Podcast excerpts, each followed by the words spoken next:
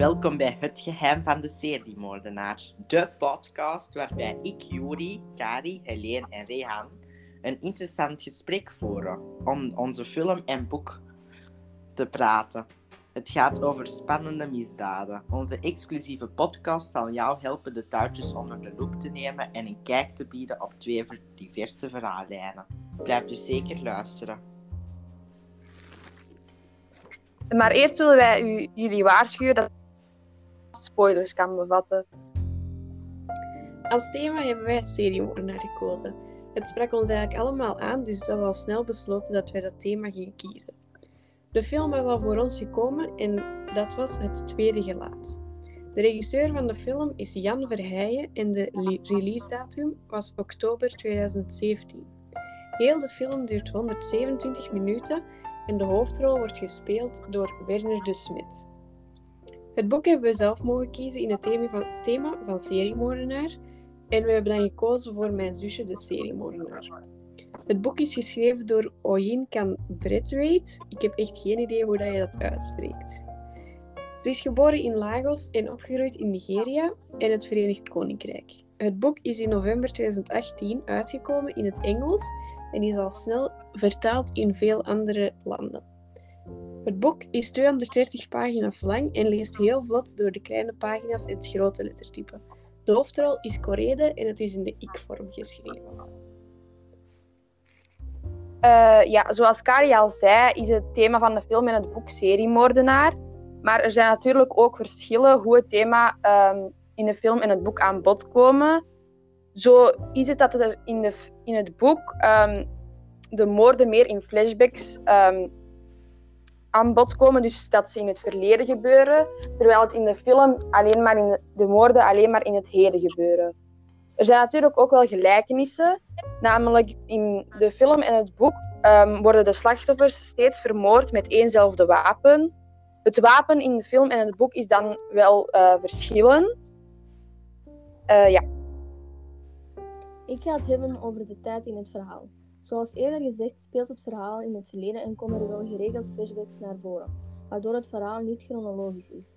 Die flashbacks gaan vaak over haar vader, daardoor kwam je erachter van waar ze het mis haalde. Wat je ook kwam te weten is wie de vader was, de relatie tussen de zussen en de vaders, maar ook tussen de moeder en de vader. Je kwam ook te weten hoe hij was gestorven, of de herinneringen die ze had toen ze heel klein was, of gebeurtenissen op school. Ik ga nu een fragment lezen. Ik heb deze genomen omdat het over moorden gaat en het fragment gaat over de dood van de vader van de twee zussen. Op een dag toonde hij boven me uit en ging meteen tegen tekeer. Hij wilde zijn staf pakken en toen zakte hij opeens in elkaar. Hij viel neer en stootte zijn hoofd tegen een glazen koffietafel. Zijn bloed was lichter dan de donkere kleur die we op tv hadden gezien. Hij kwam behoedzaam overeind en Ayola kwam achter de bank vandaan, waar ze zich schuil had gehouden. We stonden over hem heen gebogen. Voor het eerst waren wij langer. We keken hoe het leven uit hen vloeide. Uiteindelijk heb ik mijn moeder uit haar door zolpiden opgewekte slaap gehaald, om haar te zeggen dat het voorbij was. De tijd in de film komt er geen flashback voor, waardoor het chronologisch is. Alles speelt af in het heden en niets in het verleden. Ik ga het nu even over de ruimtes in het boek. Uh, de ruimte waar Corede, haar het meest op het gemak voelde is thuis, in de living of in haar kamer. In het begin van het boek is Corede op haar gemak thuis en voelt zich er echt alsof ze zich thuis voelt. Tegen het einde van het boek stapelt de spanning zich op thuis. Je voelt meestal dat er spanning is wanneer haar zus Ayola thuis is. De tweede plaats waar Corede zich het meest op haar gemak voelde was op haar werk in het ziekenhuis. Enkel helemaal op het einde voelt ze zich daar wel eerder gespannen, maar dat is omdat haar zus daaraan ook is met een groot probleem. Maar in het ziekenhuis heeft ze wel altijd een vertrouwenspersoon waar ze altijd mee kan praten, waardoor, er ook een waardoor je er ook een vertrouwd gevoel krijgt. Doorheen het boek zijn de zusjes ook in verschillende kamers van de vermoorde liefjes van Ayola. In die kamers hangt er altijd een gespannen sfeer die ze, proberen, die ze allemaal proberen te negeren, want als ze daar zijn, mogen ze enkel denken aan het zo snel mogelijk opruimen van het lijk. De zusjes zitten ook in verschillende keren in de auto. Ik krijg um, het gevoel dat ze in de auto bijna altijd um, op, zich, op, hun gemak zijn. Want er is altijd muziek in de auto en het klinkt wel gezellig. buiten de laatste keer dat ze in de auto zaten, er was geen muziek en, en op de achterbank lag er een lijk. De gespannen, sfeer is, was duidelijk te voelen. In sommige flashbacks heeft ze het over de school. Daar beschrijft Correde dat ze het een vrede plaats vond en dus dat ze haar daar niet op haar, op, haar gemak voelde. Ik ga nu een ehm, fragment uit het boek eh, eh, lezen. Ik vond het wel toepasselijk om te voor te, voor te stellen hoe dat de zusjes zich voelden in verschillende ruimtes. Maar er is een man beneden voor u. Ayola zit op mijn bed en kijkt een film op haar laptop. Ze zou hem best in haar eigen kamer kunnen kijken, maar op de een of andere manier belandt ze altijd in die van mij. Ze kijkt op naar de huismeid. Ik ga meteen rechtop zitten. Het is vast de politie. Ik heb koude handen. Wie is het? Ik ken hem niet. Als ze opstaat, werpt Ayola me een nerveuze blik toe en ik loop achter haar aan de kamer uit. De man in kwestie zit op de bank en waarvan ik sta, zie ik dat het nog de politie nog deed is. De onbekende heeft een bos rozen in zijn handen. Geboyega, ze rent de trap af en vangt haar met één arm op en zwiert haar in het rond. Ze zoenen. Ehm, ik vond het wel een mooie voorstelling, omdat uh, de zus dan in haar kamer zat en dat uh, geeft wel een goed gevoel. Um, de ruimtes in de film waren heel gelijk aan elkaar. Uh, Freddy is een detectieve en werkt dus bij de politie. Hij brengt ook de meeste tijd door in het politiestation, maar daar was er doorheen de film vrijwel altijd een ongemakkelijk gevoel, omdat niemand Freddy wou geloven terwijl hij eigenlijk wel op het juiste pad was.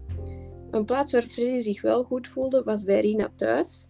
Freddy voelde zich goed bij Rina, maar dat was eigenlijk wel een mis misplaatst gevoel, want op het einde van de film ondervindt hij dat Rina een hulpje van de seriemoordenaar is. Uh, ik ga nu wat meer vertellen over de personages uit het boek, maar eerst ga ik een kort fragmentje voorlezen uit het boek. Um, je wist vast niet dat bleekmiddel de geur van bloed maskeert. De meeste mensen gebruiken bleek te pas en te onpas, in de veronderstelling dat het een multifunctioneel product is, zonder de tijd te nemen om de lijst met ingrediënten op de achterkant te lezen, zonder de tijd te nemen om terug te gaan naar het oppervlak dat ze net hebben afgenomen, om het nog eens goed te bekijken. Bleek desinfecteert, maar het is niet ideaal voor het verwijderen van aanslag. Daarom gebruik ik het pas nadat ik eerst alle sporen van leven en dood in de badkamer heb weggeschropt. In het fragment hoor je dat Correde, um, de protagonist, um, de sporen van bloed moet uh, verwijderen. Dit is ook een beetje haar taak in het verhaal. Want ze is eigenlijk een beetje het hulpje van uh, de seriemoordenaar. Correde heeft een um, vlak karakter, want ze heeft geen meerdere karaktereigenschappen. En ze maakt geen ontwikkeling door doorheen het verhaal. Dan heb je ook nog de antagonist in het verhaal van het boek. Um, en die, dat is in dit geval Ayola. Zij is een seriemoordenaar en zij heeft een rond karakter, want zij heeft verschillende karaktereigenschappen en ze, uh, ja, heeft verschillende karaktereigenschappen.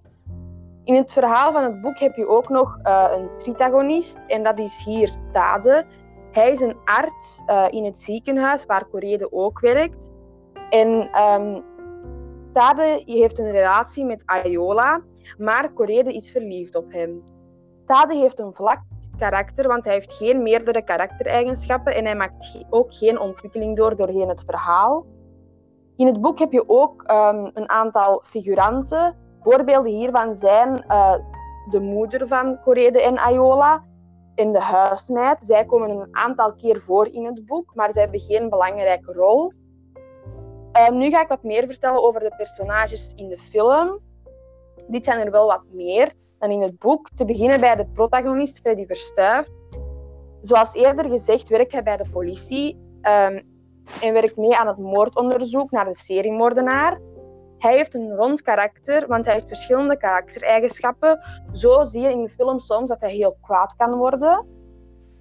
Um, vervolgens heb je de antagonist. In dit geval zijn het er twee, namelijk Patrick en Rina. Patrick is een seriemoordenaar in het verhaal en Rina is, zoals eerder ook gezegd, een beetje het hulpje van de seriemoordenaar. Want zij moet meehelpen met um, de lijken te doen verdwijnen, zeg maar. Um, beide anta antagonisten hebben een rond karakter, want ze hebben meerdere karaktereigenschappen. In de film zijn er ook twee tritagonisten. In dit geval is dat Erik Vinke, iemand die bij de politie werkt en het moordonderzoek leidt. En Anton Mulder, dit is een profiler en hij komt in het midden van het verhaal naar voren om te helpen en mee te werken aan het um, moordonderzoek. Um, beide hebben een vlak karakter, want ze hebben geen meerdere karaktereigenschappen. En natuurlijk film ook een aantal figuranten. Voorbeelden hiervan zijn uh, Cassiers en Abi. Zij werken beide bij de politie en komen in de film een aantal keren naar voren, maar ze hebben ook geen belangrijke rol. En dan heb je ook natuurlijk de slachtoffers die zijn vermoord en bijvoorbeeld hun familie. Ik ga nu de originaliteit bespreken van het thema in het boek en de film. In het boek heeft Ayola altijd dezelfde moordwapen, een mes. Daarmee vermoordt zij haar slachtoffers altijd op één na dan, en dat is een voedselvergiftiging. Ze heeft meerdere doden op haar naam.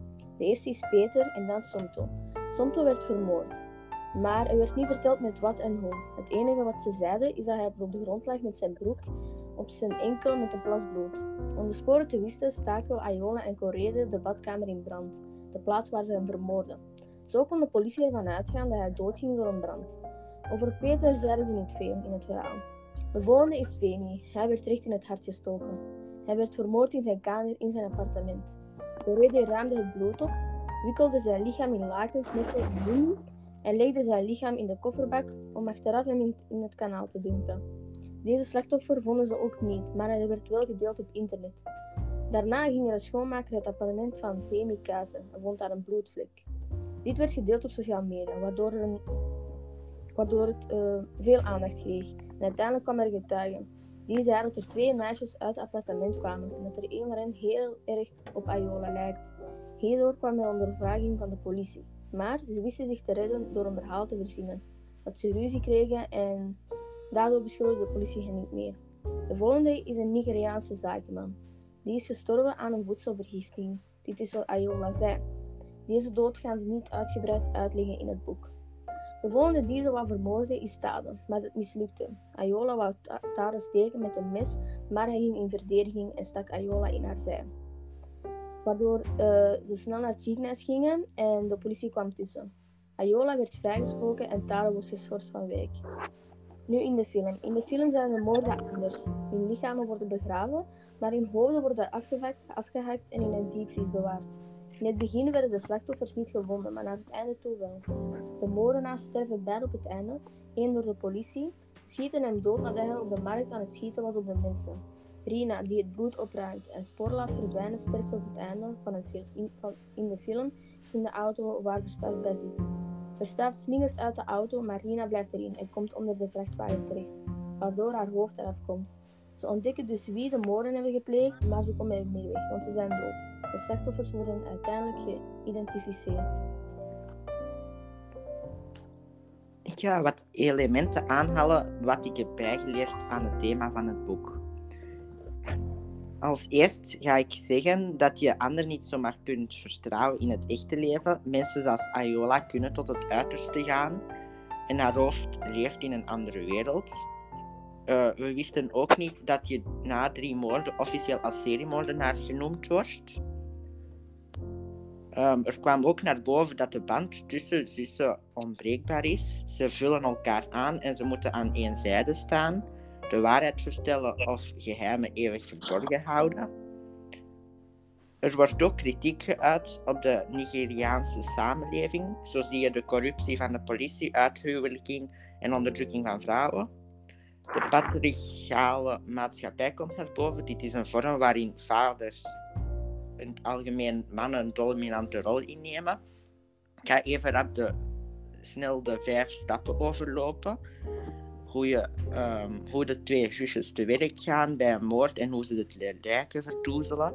Eerst verzamelen ze de benodigdheden. Bij stap 2 ruimen ze het bloed op. Bij de derde stap veranderen ze Femi in een mummie. Bij de vierde stap verplaatsen ze het lichaam en tenslotte zetten ze alles in bleek.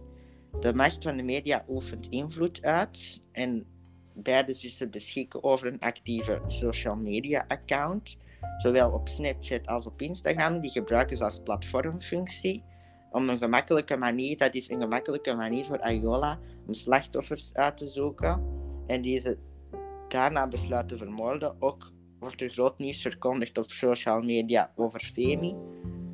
Ze zijn benieuwd hoe het politieonderzoek verloopt. Vonden jullie het boek of de film juist het?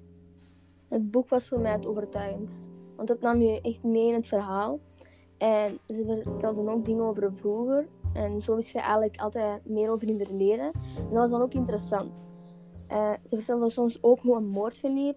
Hoe het dan verder ging, waardoor je wel een heel goed beeld had van die moord. Ze schreven sommige zaken gewoon heel goed uit in het detail.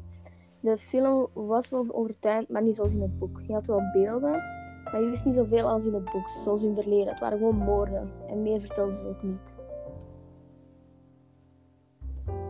Uh, in tegenstelling tot Rehan vond ik juist de film het overtuigendst, omdat ik vond dat het thema seriemoordenaar er meer in aan bod kwam. Um, ik vond ook de film het overtuigendst, omdat ik me dan meer kon voorstellen hoe dit thema in het echte leven zou aan bod komen. Want natuurlijk, in een film heb je al beelden, dus je kan het je beter voorstellen. Nog een reden waarom ik de, waarom ik de film het overtuigendst vond, is omdat je doorheen het verhaal nog niet wist wie de seriemoordenaar was. Dus eigenlijk een beetje zelf onderzoeken wie het was. Wat het ook een beetje spannender maakte, spannender maakte vond ik. Daarom wil ik ook de film uh, wel nog een keer zien. Ik ben het eigenlijk eerder eens met Rehan. Um, in het boek nemen ze echt mee in het verhaal en gaan ze je ook uitleggen wat ze doen en hoe ze het doen. En uh, je kan je ook echt inleven in de karakters. Um, je weet hoe dat ze zich voelen op welk moment en welke band ze hebben met welke mensen. En ik vind dat veel interessanter dan de film. Uh, ook in het boek heb je meer plaats voor eigen invulling en fantasie. Uh, je kan zelf inbeelden hoe plaatsen eruit zien of mensen. En dat heb je natuurlijk bij een film niet, want dan is al voorgeschoteld. Dus ja, ik vind het boek het beste. Ik ben het eens met Helene, want uh, de spanning wordt steeds verder opgebouwd. Um, de gebeurtenissen in de film kwamen op een geloofwaardige manier naar boven. En het wordt door een aantal goede acteurs gespeeld. Koen de Bouw en Werner de Smet bijvoorbeeld. Ook het bloed en de moorden komen duidelijk naar voren. Dat wijst op een goede ineenzetting van de scènes. De film is geregisseerd, geregisseerd door Jan Verheijen, onder andere van de topserie De Kampioenen. En dat trekt me wel aan. Oké, fijn dat jullie erbij waren. Bedankt voor het luisteren. Ik hoop dat wij jullie hebben kunnen aanzetten om het boek en de film zeker eens te lezen. Uh, ik hoop dat jullie het fijn vonden.